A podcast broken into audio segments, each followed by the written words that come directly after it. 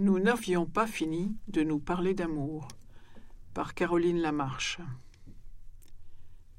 Il y avait des tas de musique qui faisaient penser au train de son enfance.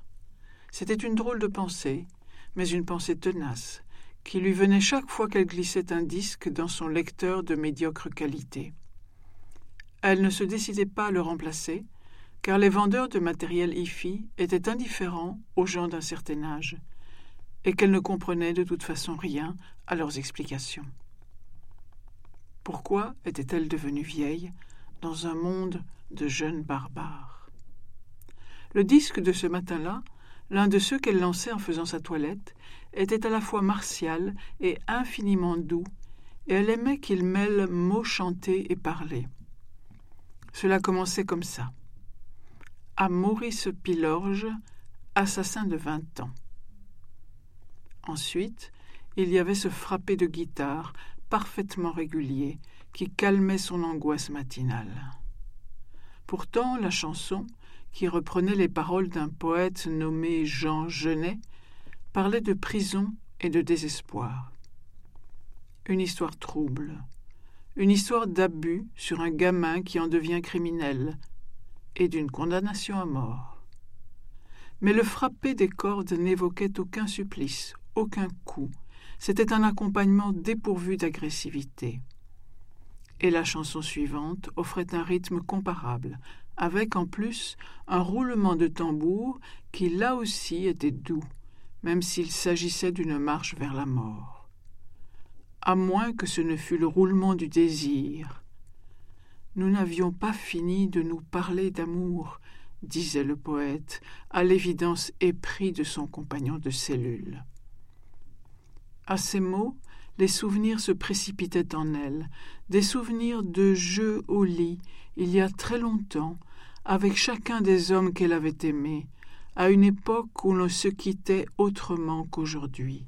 Cela pouvait prendre des mois et beaucoup de vraies disputes, alors que maintenant un SMS suffisait pour se débarrasser de quelqu'un, et suffisait même parfois pour licencier un employé, lui faire perdre son travail, sans explication. L'été avant la pandémie, à la terrasse du Falstaff, elle avait parlé avec un jeune homme qui avait été licencié de la sorte. Il ne comprenait pas pourquoi. De consultant dans un bureau de conseil, il était devenu vendeur dans une friperie. On le sentait encore hébété par la manière dont on l'avait traité d'où son sourire timide qui semblait s'excuser. Où était sa colère? Elle rencontrait des tas de gens étrangement privés de colère depuis qu'elle avait pris sa retraite de fonctionnaire de l'État et de militante féministe. Bien sûr, elle se sentait toujours féministe, elle n'avait pas renié les combats d'autrefois, mais le fait de ne plus travailler, d'échapper à la misogynie de l'administration, et de passer ses journées à aborder les gens aux terrasses des cafés, puisque plus personne ne l'abordait, elle, cette occupation quotidienne, aussi simple qu'agréable, la rendait plus indulgente. Tout le monde avait son histoire. Non, elle ne séduisait plus, elle qui avait tant séduit, séduit naturellement, semblait-il. Lorsqu'elle revoyait des photos d'elle à trente, quarante ou même cinquante ans, elle se disait J'étais belle, et je ne le savais pas. Il est vrai que ses rares moments libres à l'époque étaient surtout consacrés à la lecture, et qu'elle était à ce point absorbée, lorsqu'elle lisait, assise sur un banc ou à une table de café, qu'elle devait paraître engloutie dans un autre monde, telle une pierre tombée au fond d'un étang. Pourtant, les hommes l'abordaient, comme ils n'osent plus le faire de nos jours. Vous aimez lire disait-il le plus souvent, leur voix faisant irruption dans la bulle de silence qu'elle s'était constituée. Et elle, levant les yeux de sa page et croisant un regard affamé, elle ne résistait pas à l'appel enchanté d'un voleur amoureux. Encore une bribe de chanson qui lui parvenait alors qu'elle brossait ses cheveux devenus blancs et fins. Mais depuis qu'elle était retraitée, et jusqu'il y a quelques mois, ces journées offraient un visage différent. Dès le matin, après un brin de ménage, elle sortait pour faire le tour des établissements du centre-ville, le café de dix heures, le croque-monsieur du lunch, le jus de fruits du goûter, et, surtout, la conversation, dont elle prenait désormais l'initiative. Tout le monde la connaissait. C'était une figure populaire, aussi maternelle que facétieuse, un mélange de vieille dame et de petite fille. Chaque matin, elle se vêtissait soigneusement de couleurs vives. Quand on ne peut plus séduire, il faut donner de la joie aux gens, les attirer autrement, comme la fleur colorée attire les papillons. La septième plage du disque et la huitième, la neuvième, jusqu'à la fin, offraient toujours ce frappé de guitare. Tout le disque était unifié par ce motif qui progressait comme on marche vers la mort, comme on voudrait, du moins, être accompagné vers la mort. Seigneur des lieux obscurs, je sais encore prier. Non, elle n'avait jamais prié. Prie-t-on quand on est une militante féministe? Mais elle aimait les morceaux répétitifs et elle était capable d'écouter le même disque pendant des jours et des jours. J'ai dédié ce poème à la mémoire de mon ami Maurice Pilorge. C'était une voix très vieille, rocailleuse, qui le disait. La tête tranchée pour avoir tué son amant, cela n'arrivait plus chez nous. Aujourd'hui, des masses d'hommes tuaient leurs femmes ou leurs compagnes sans jamais être condamnés à mort. On le lisait dans le journal, et on lisait aussi que chaque nouvelle crise, la pandémie en était une, replongeait les femmes dans la vulnérabilité. Mais elle était fatiguée de lire le journal. C'étaient toujours des mauvaises nouvelles. L'annonce semaine après semaine que la planète allait à sa perte, animaux, insectes, oiseaux, et bien sûr les humains, infiniment trop nombreux. Que faisait-elle là encore, avec son âge et ses nippes de toutes les couleurs? Ô môme, avoir ton âge Sur la pochette du disque, il y avait un homme encore jeune, Étienne Dao, et une vieille femme, Jeanne Moreau. Tous deux vêtus de noir, lui debout, profil net et cheveux courts, elle assise, visage marqué et coiffure au carré, comme on en voit aux fillettes. À méditer pour la prochaine visite de Nancy, qui venait lui couper les cheveux à domicile dans sa cuisine. Une coiffeuse retraitée, c'était bien pratique. Passé un certain âge, tout le monde se révèle bien pratique, que ce soit pour chanter avec un genou, ou pour coiffer autrui, ou pour aider les enfants à faire leurs devoirs. Oui, voilà encore quelque chose qu'elle faisait. Tous les mercredis après-midi, s'occuper d'enfants qui avaient des difficultés à l'école. Il y en avait à la pelle. Leurs joues rondes offraient un nuancier de toutes les carnations du monde. Cette ville était un melting pot, sauf dans les quartiers périphériques, aux parcs arborés et aux maisons cossues. Ici, pas de parc, pas de fleurs même. C'était un centre-ville assez triste. Rares étaient les villes qui offraient si peu d'arbres et si peu de lumière. Mon amour, mon amour, voleras-tu les clés qui m'ouvriront le ciel où tremble la nature? Des bribes de chansons lui parvenaient, tandis qu'elle se demandait ce qu'elle allait faire pour remplir sa journée. Elle n'en pouvait plus de la ville sans arbres, de la ville sans gens. Tout le monde, depuis des semaines, se promenait avec un masque. Les rues étaient désertées, les magasins pour la plupart fermés, et surtout les cafés. La radio transmettait heure après heure les chiffres des hospitalisés et des morts, et des spécialistes convoqués à tout moment se contentaient de dire Restez chez vous, ne voyez pas plus d'une personne à la fois, ce qu'ils appelaient la bulle. Mais elle, à part Nancy qui continuerait à lui couper les cheveux clandestinement, qui voyait-elle? Son fils et sa belle-fille semblaient l'avoir oubliée. Ils habitaient à quinze kilomètres, ce qui leur semblait énorme, et à elle encore davantage. Elle n'avait pas de voiture, et aucun tram ne rejoignait la banlieue chic où ils vivaient. Sa bulle, cela avait toujours été la manière dont, par ses vêtements de couleur vive, son rire, le naturel avec lequel elle lançait une conversation, elle faisait des conquêtes, ou plutôt accumulait les histoires. Les gens adoraient raconter leur vie. Pourquoi aurait-il payé pour se plaindre chez un psychologue alors qu'il y avait une mamie vêtue de couleur vive que leur confidence passionnait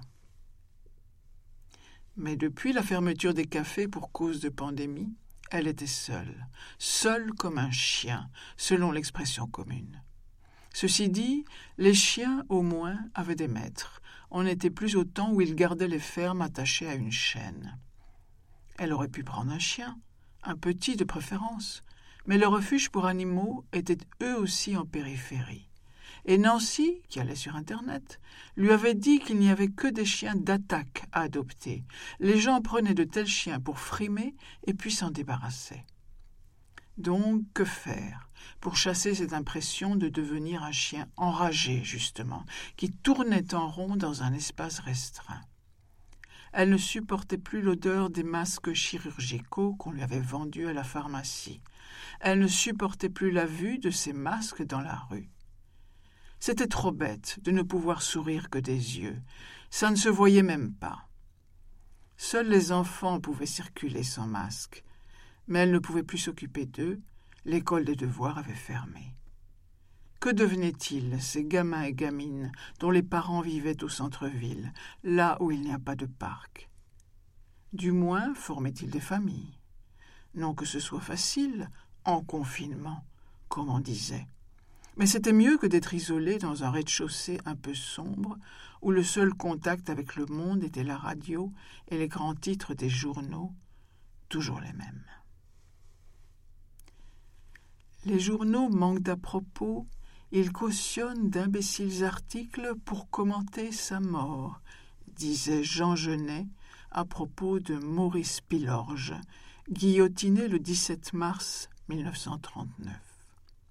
Or, par une de ces coïncidences qui vous tombent dessus quand vous êtes désespéré, on était le 17 mars en cette année 2021, soit 82 ans plus tard et elle avait presque quatre-vingt-deux ans, justement, née le 18 mars 1939, un jour après la mort de Maurice Pilorge. Un tel signe était un encouragement à se mettre en route vers la lumière et les arbres dont les branches frémissaient d'un désir de bourgeon. Il fallait partir, partir vers un endroit où il y avait un fleuve, où l'on voyait de l'eau, et puis des arbres, des prés, et d'autres maisons qu'ici, des maisons moins hautes qui laissaient la place à l'azur et aux nuages. Partir comme un condamné monte au ciel, du moins pour ceux qui y croient, qui croient qu'il y a une vie après la mort. Il doit bien en avoir une, puisqu'on fait des chansons avec les mots des morts et qu'on peut entendre des voix qui se sont tues. Celle de Jeanne Moreau, par exemple, morte à 89 ans, sept ans après l'enregistrement de ce disque.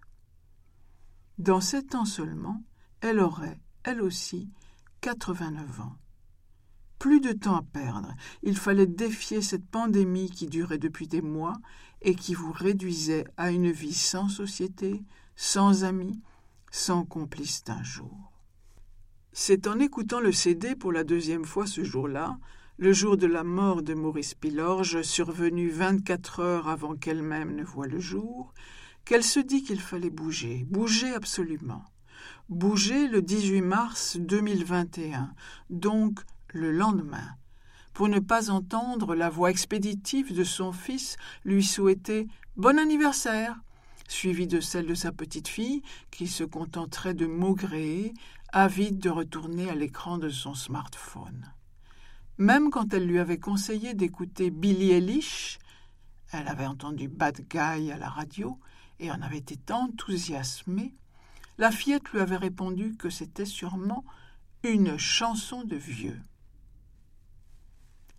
C'est le frappé régulier de la guitare tout au long de ce beau disque qui lui donna l'idée du train. Quand elle était enfant, qu'on n'avait pas d'auto, C'était ce rythme-là qui vous berçait pour aller à la mer ou dans les Ardennes. Ce tacatam mélancolique et puissant qu'on retrouvait dans certains films en noir et blanc, ou parfois même en couleur, des reconstitutions, qu'elle avait vues au cinéma du temps où les salles étaient encore ouvertes. Elle n'avait plus pris le train depuis une éternité, n'en éprouvant pas le besoin. Elle avait toujours été casanière dans son rez-de-chaussée, bruissant des existences alentour. Des existences qui ne bougeaient guère non plus. Le cafetier, le serveur, les habitués, ou celles qu'on retrouvait après l'été, l'étudiant, l'employé, l'homme d'affaires. Toutes ces catégories d'humains pouvaient bien sûr être mises au féminin, mais elle n'avait plus le courage, quoique féministe, de se compliquer le langage, de se livrer, autrement dit, à cet exercice d'autosurveillance perpétuelle qui consiste à coller au politiquement correct du moment cafetier, cafetière, ou mieux, cafetier.e. Les dispositifs alambiqués, dits inclusifs, ralentissaient la lecture. Or, elle avait toujours milité pour l'accès à la lecture du plus grand nombre, à commencer par les enfants de l'école des devoirs, dont certains peinaient à maîtriser la langue française. Et puis tout ça ne rendait pas leur place aux femmes. Au contraire, tout était encore plus inégal depuis la pandémie. Elle avait lu dans le journal que dans la ville où elle vivait, près de cinq mille femmes avaient perdu leur travail pendant le confinement, tandis que plus de cinq mille hommes chômeurs avaient été engagés. C'était la réalité nue, sans les fioritures de ponctuation qui passionnaient les nouvelles féministes. Le frappé régulier de la guitare, le frappé régulier du train, elle alla à la gare centrale et prit un billet senior pour la journée du lendemain, qui était un jeudi. Avec ce billet, elle pouvait voyager partout, prendre un train après l'autre, aller vers les grandes villes ou les gares provinciales. Elle devait simplement, c'était marqué sur le billet, partir après neuf heures et ne pas revenir pendant l'heure de pointe. Priorité aux travailleurs. Mais il n'y avait plus guère de travailleurs, la pandémie vidait les bureaux, les routes, les trains. Si on contrôlait son billet, elle dirait qu'elle s'était trompée. Elle était bien assez vieille pour se tromper, et son manteau de couleur vive amadourait le contrôleur le plus sévère. Elle avait envie d'aller vers la région du centre, où serpente la frontière linguistique. De là, elle rayonnerait vers la mer ou les Ardennes, enfin, elle verrait bien. Elle régla son réveil sur cinq heures quarante-cinq le matin du 18 mars, revêtit son manteau turquoise, coiffa son bonnet jaune canari et sortit de chez elle, son grand sac mou à l'épaule. Il faisait encore noir, les rues étaient désertes. Elle avait l'idée d'assister au lever du soleil depuis le train, de regarder par la fenêtre le paysage rosir. La météo annonçait grand soleil. C'était excitant de se lever si tôt, dans le noir, quand la ville engourdie par la pandémie s'éveillait à peine. Personne dans les rues. Elle s'était fait un pique-nique, œufs durs, tartines au fromage, mandarines, une gourde qu'elle avait ressortie d'une armoire, le tout dans un de ces sacs de toile publicitaires que les détaillants offrent aux clients réguliers de leur épicerie bio. Oui, parfois, elle allait à l'épicerie bio. Elle avait alors l'impression de se faire du bien. Pour quel usage? Elle l'ignorait. À son âge, on ne craignait plus de se faire un cancer pour cause d'ingurgitation de salade aux pesticides. C'était trop tard. Elle avait survécu à la mort prématurée de ses amis, le cancer régnant comme une épidémie, avec ses rémissions hypocrites, sa perversité larvée qui contourne habilement la réponse brutale des chimiothérapies. Elle, elle jouissait d'une santé insolente, peu d'essoufflement, de l'arthrose qui lui faisait des douleurs au réveil, mais qui disparaissait quand elle se mettait en branle. Pour attraper son train, il faut parfois courir. Elle aimait autrefois le pas vif, jouer avec les limites, faire encore une petite chose avant de partir, tout en sachant qu'elle risquait d'arriver en retard. Du temps de ses jambes vigoureuses et d'une accélération toujours possible, voire d'un léger galop, elle arrivait tout juste à temps au bureau. Maintenant, elle pouvait quand même encore défier l'horaire, car si elle ratait un train, il y aurait toujours le suivant, de demi-heure en demi-heure pour les destinations les plus courantes. Au pire, il y aurait une autre combinaison à trouver, d'autres trajets à inventer. Le maillage des voies offrait d'innombrables jonctions. Prendre le train était une métaphore de la vie et un jeu sur l'adaptabilité. Donc, elle partit in extremis et pressa le pas dans l'air vif et noir, son sac de toile à l'épaule, où se trouvait son pique-nique et un livre car elle avait décidé de profiter du train pour relire un chef-d'œuvre de presque mille pages qu'elle avait aimé autrefois. Bien sûr, elle n'aurait pas le temps de l'ingurgiter en un jour, surtout si elle s'offrait des escales dans les villes qu'elle convoitait, des villes où passait un fleuve ou une rivière, ou qui donnait sur la mer. Marcher au bord de l'eau, elle en rêvait depuis longtemps. Mais si l'escapade lui était profitable, elle en referait d'autres, semaine après semaine, et le livre la suivrait, de train en train. À moins qu'elle ne préfère laisser le livre fermé, pour s'inventer des vies, s'inventer un autre soi au fil des paysages traversés et des voyageurs croisés. Le train est une école de rêverie et la ville n'est jamais assez longue pour exercer son imaginaire, ce muscle mental si négligé.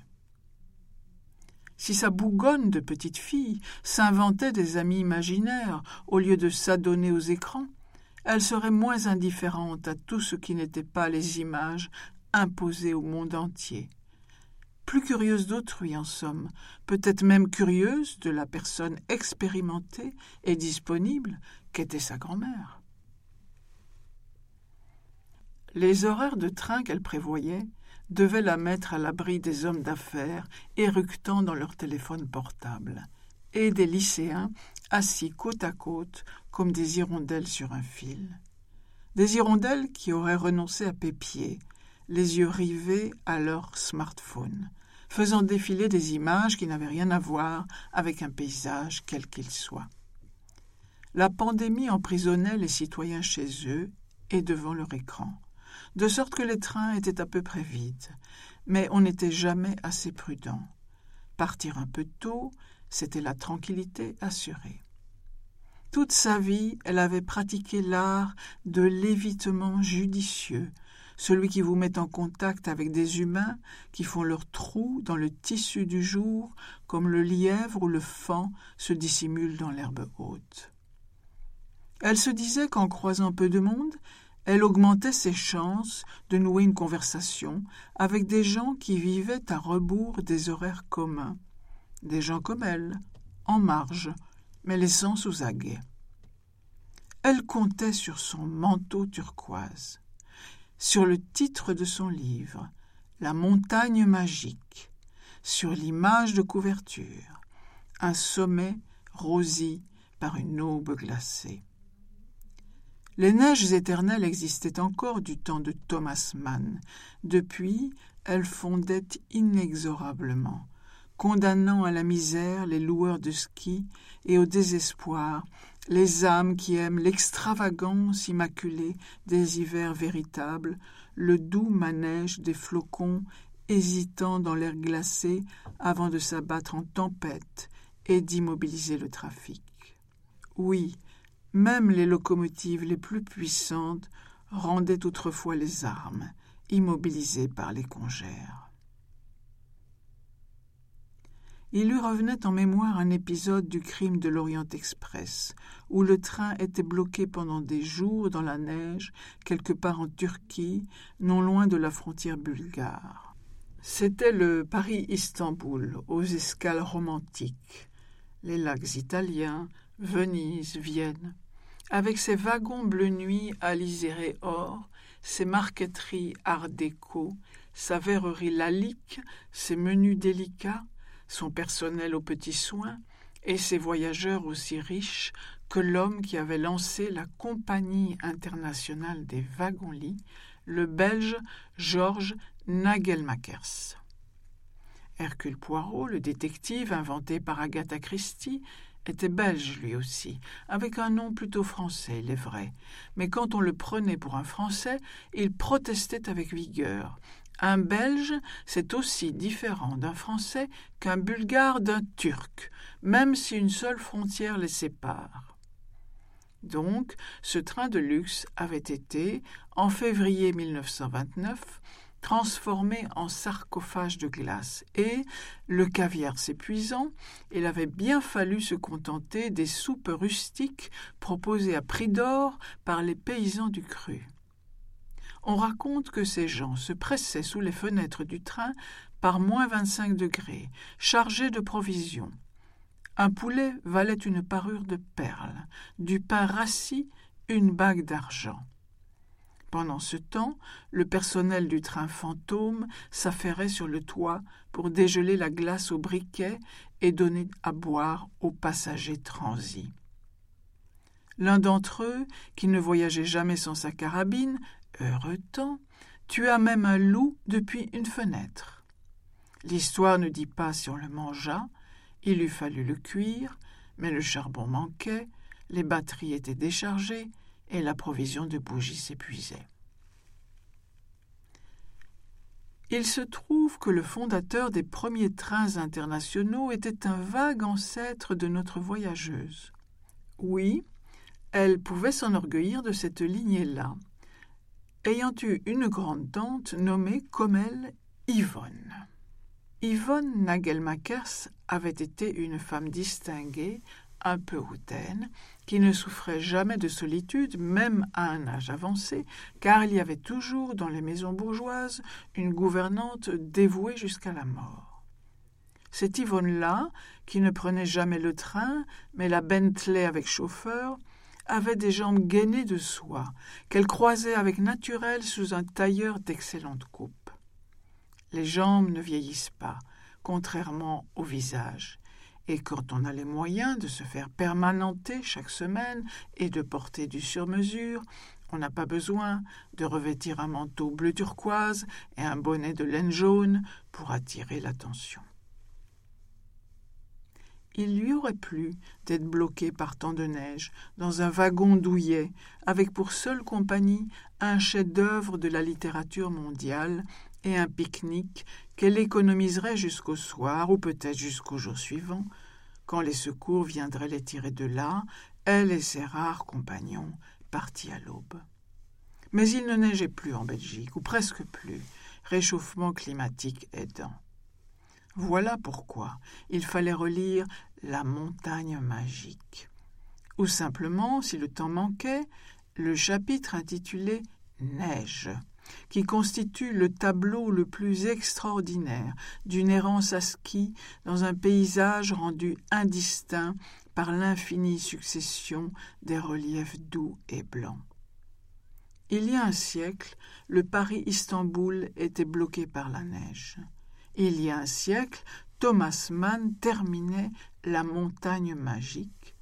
Il y a un siècle, Maurice Pilorge menait sa vie de vagabond puis de jeune criminel. Égorge une rentière, disait le texte de la chanson. Rentière, par chance, Yvonne ne l'était pas. Dès qu'elle fut installée dans le train côté fenêtre, tout défila. Non seulement le paysage, la banlieue, la campagne, une nouvelle banlieue, une gare urbaine, une autre, rurale, des vestiges industriels, un canal, un fleuve. Mais sa vie aussi, en un flot de souvenirs, qui ne la blessait pas, au contraire, il surgissait comme un spectacle animé à contempler avec recul et parfois étonnement. Avait-elle vraiment vécu tout ça? Son existence, à bien des égards, ressemblait à un roman ou un film à épisodes, une série, dit-on maintenant. Mais personne n'en avait jamais rien su, ni ne l'avait jamais interrogée à ce sujet, elle qui écoutait pourtant si bien les autres. Elle méditait la chose avec un brin d'amertume, mais le soleil levant, son rayonnement rouge puis rose, les maisons et les champs surgissant progressivement de l'ombre, le point lumineux de Vénus comme un petit diamant dans le lobe du ciel, le bleu tendre enfin qui gagnait tout l'espace dévoilé par la vitre, tout cela illumina ses pensées en moins de temps qu'il ne faut pour le dire.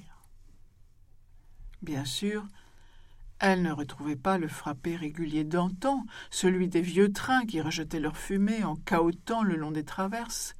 Les trains actuels glissaient dans une rumeur uniforme, évocatrice de rien. Il n'y avait plus les jets de vapeur comme des soupirs profonds, ni le tacatam tacatam, lent au départ puis de plus en plus rapide, ni la sirène mélancolique qui saluait le passage des gares. Il avait disparu, ce sentiment de puissance mécanique qu'on n'expérimentait plus que dans les films qui mettaient en scène des locomotives à vapeur. Autrefois, les locomotives étaient de genre féminin, la générale, la fusée, la reine des montagnes, l'étoile du Nord et même la crocodile. Qu'un monstre d'acier au nez proéminent, agressif, fendant l'air et crachant feu et fumée, soit un être femelle, c'était réjouissant, et moins banal que les museaux plats des motrices actuelles, avec leurs cabines hermétiques, leurs conducteurs en pilotage automatique et leurs noms réduits à des acronymes TER, TGV, ICE. On ne pouvait même plus ouvrir les fenêtres, ou si peu.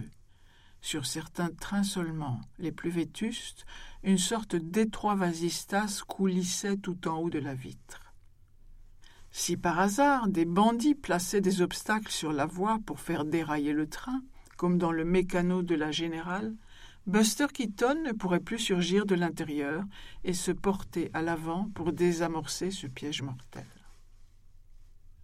Yvonne était passionnément amoureuse de Buster Keaton dans le mécano de la générale. Bien sûr, il était mort depuis longtemps, et sa carrière n'avait pas résisté à l'irruption du cinéma parlant. Mais elle adorait sa manière de ne jamais sourire, tout en se démenant avec bravoure, maladresse et génie. Un héros malgré lui. Un héros par amour pour une jeune fille, promise un plus riche avenir que celui d'épouser un modeste mécanicien. Conquérir un jeune cœur impossible pour Yvonne.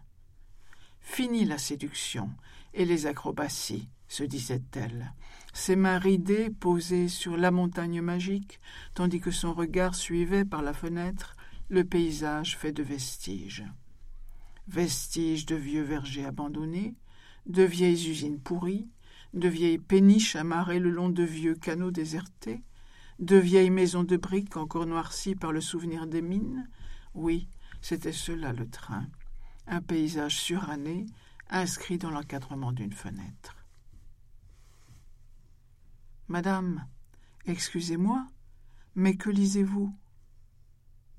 Engloutie dans le paysage et dans ses souvenirs, elle n'avait pas remarqué qu'il s'était installé sur la banquette de l'autre côté du couloir. Tout à coup, il lui adressait la parole, un peu comme elle le faisait, elle, avant le confinement, quand elle se tournait vers les gens attablés aux terrasses, et tantôt c'était Que lisez-vous? De plus en plus rarement, à cause des smartphones. Ou encore Il fait beau, n'est-ce pas? Et la conversation commençait, un petit miracle quotidien. Et là, dans ce train de l'aube, tandis que le ciel se colorait d'un rose aussi excessif que celui de la couverture de la montagne magique, cette voix, soudain, juvénile en diable. J'ai vu le titre, dit-il. Est-ce un conte? Le garçon était beau, vêtu avec une élégance qui frôlait le négligé, pantalon flottant, de feutre, béret noir crânement incliné sur une mousse de cheveux blonds, le genre d'accessoire qu'on trouve en friperie.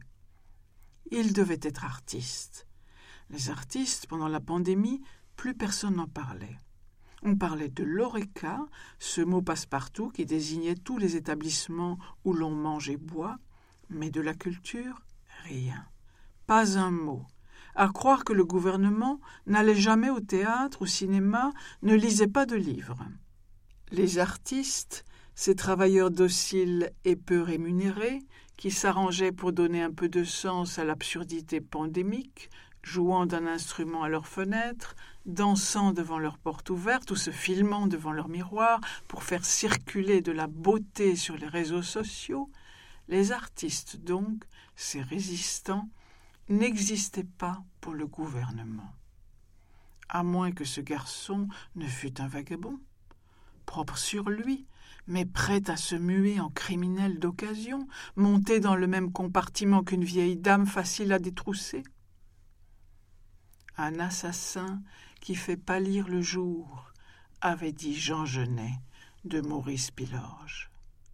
Certes, il était si beau, ce jeune homme du train, que le jour en pâlissait, le soleil maintenant haut levé, sans qu'un seul contrôleur soit encore passé. Elle lui demanda précipitamment où il se rendait, quel était son métier, son occupation. Bref, elle se montra méfiante. Je rentre chez moi, dit-il, sans préciser sa destination. Je suis étudiant au conservatoire, première année. Un enfant de vingt ans, l'âge du siècle, pensa-t-elle. Et pourquoi s'intéressait-il à la vieille femme qu'elle était, dans ce compartiment vide? Pensait-il avoir affaire à une rentière au portefeuille bien garni? Ou au contraire reconnaissait-il en elle une alliée à cause du manteau turquoise, du bonnet jaune, du livre rose, et peut-être de leur avenir menacé, infiniment fragile, sur une planète qui n'en avait plus pour longtemps. Ah, reprit l'étudiant, parce qu'Yvonne se taisait. C'est vraiment un gros livre, mille pages au moins, je suppose. L'avez-vous lu oui, je l'ai lu. Il y a longtemps, murmura-t-elle troublée. D'ailleurs, elle allait le relire, ajouta-t-elle précipitamment. Le train était le lieu parfait pour lire. On n'avait que ça à faire, et elle prendrait le train autant de fois que nécessaire pour relire toute la montagne magique. Voilà. Elle le regardait de biais trop de beauté intimide. Une grand-mère à haut potentiel intellectuel, se dit l'étudiant intrigué. Sa propre grand-mère était morte en confinement dans une maison de retraite, morte de solitude, éteinte comme une bougie privée d'air.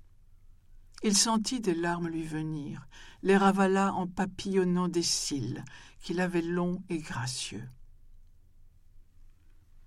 Dans ce livre, racontait Yvonne, pour remplir le silence qui l'inquiétait un peu, se trouvait un chapitre merveilleux et effrayant sur une équipée à ski dans le brouillard et le gel du temps où la montagne était encore enneigée en toute saison, même en été. Et puis, il y avait le personnage principal, Hans Kastorp, arrivé par le train dans cette station où se trouvait le sanatorium qui l'abriterait un temps. À l'époque, on prenait le train pour se transporter là-bas, ensuite un char à banc tiré par deux chevaux, avec un coffre à l'arrière pour mettre les bagages. C'était lent, poétique, tout était lent et poétique alors. Pourtant, l'Europe était sur le point de basculer dans le chaos de la Première Guerre mondiale. Mais Hans Castorp l'ignorait, lui qui avait fait des études d'ingénieur et rêvait à son avenir de constructeur de bateaux. Savez-vous, dit-elle, que bien des livres anciens, des livres de presque cent ans nous parlent d'aujourd'hui? De la lenteur qui se transforme en chaos, je veux dire, de ces mois de pandémie qui marqueront notre siècle, celui qui a vu votre naissance et qui verra bientôt ma mort. Le jeune homme lui fit un clin d'œil, comme s'il voulait la persuader qu'elle serait éternelle. Bien sûr, les déplacements étaient différents, continua-t-elle avec animation. Le climat même, la nourriture. Dans ce sanatorium où se rendait Hans Castor pour un séjour qu'il imaginait très court, on mangeait abondamment, luxueusement, cinq fois par jour, comme dans l'Orient Express du temps d'Hercule Poirot. Mais le fond de l'être humain ne change pas. Tenez, je vais vous lire quelques lignes au début de ce livre. Vous comprendrez aisément pourquoi vous et moi, en dépit de ce que nous sommes, jeunes et beaux, vieilles et laides, elle rit, et il rit à sa suite, un rire si joyeux qu'elle comprit qu'il ne la trouvait peut-être pas si moche après tout. Nous ne pouvons mener nos vies comme nous le voudrions en ce moment précis et peut-être pour longtemps. Elle lut.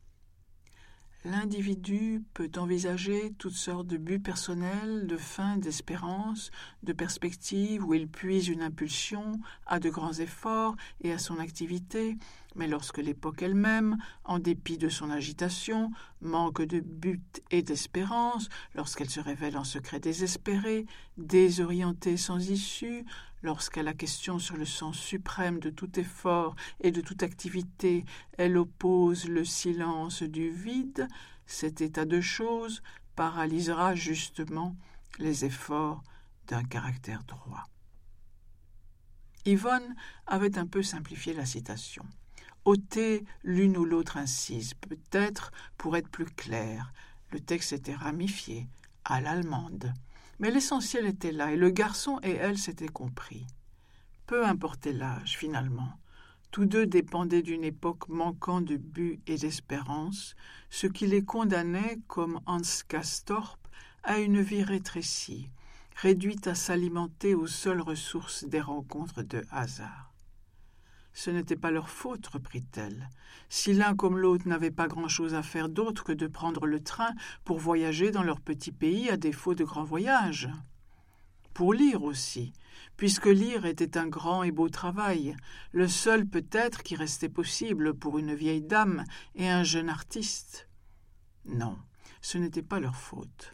C'était l'époque qui manquait de sens, l'époque qui marchait vers le vide. Cette pandémie en était le signe. D'où l'ajournement s'inédié du retour à la vie normale via les décisions des autorités confinant la population de semaine en semaine, un peu comme la tuberculose du temps de Hans Castorp avait transformé un séjour qui devait être bref en sept longues années. Et nul ne savait ce qu'il y aurait après. Une plongée dans le gouffre, ou une nouvelle ère qui justifierait les sacrifices consentis. Une chose était sûre, le train. Le train qui existait depuis cent cinquante ans avait encore de beaux jours devant lui. Pour certains, ce serait simplement un mode de déplacement respectueux de l'environnement. Pour d'autres, ce serait aussi un moment suspendu où l'on se repose en lisant, loin des soucis. Elle se tut, craignant d'apparaître comme une radoteuse, puis s'excusa un peu honteuse. Certainement, je vous ennuie. Elle avait oublié combien la jeunesse peut être vive, sans préjugés et avide de partage. Aussi fut-elle surprise de s'entendre répondre. Ah, mais pas du tout. Voilà qui ne nous console pas, mais qui éclaire la stérilité, à quoi la période nous réduit, pour le moment ou pour longtemps. Le garçon s'exprimait avec une élégance surprenante, aussi fluide que son apparence. On sentait bien qu'il étudiait au conservatoire, de beaux textes, sans aucun doute. Vous permettez? Il tendit la main. Elle lui donna le livre. Il l'ouvrit au hasard et lut, d'une voix grave et légère, le passage qui lui tombait sous les yeux. Elle reconnut une réplique de Hans Castorp lorsqu'il s'adresse à son cousin Joachim qui n'en a plus pour très longtemps à vivre. C'est drôle, et cela reste drôle, que le temps vous paraisse si long lorsqu'on est dans un nouvel endroit, c'est-à-dire, naturellement, je ne veux pas du tout dire que je m'ennuie, au contraire, je peux même dire que je m'amuse royalement. L'étudiant leva la tête, surpris par la coïncidence du moment et du texte.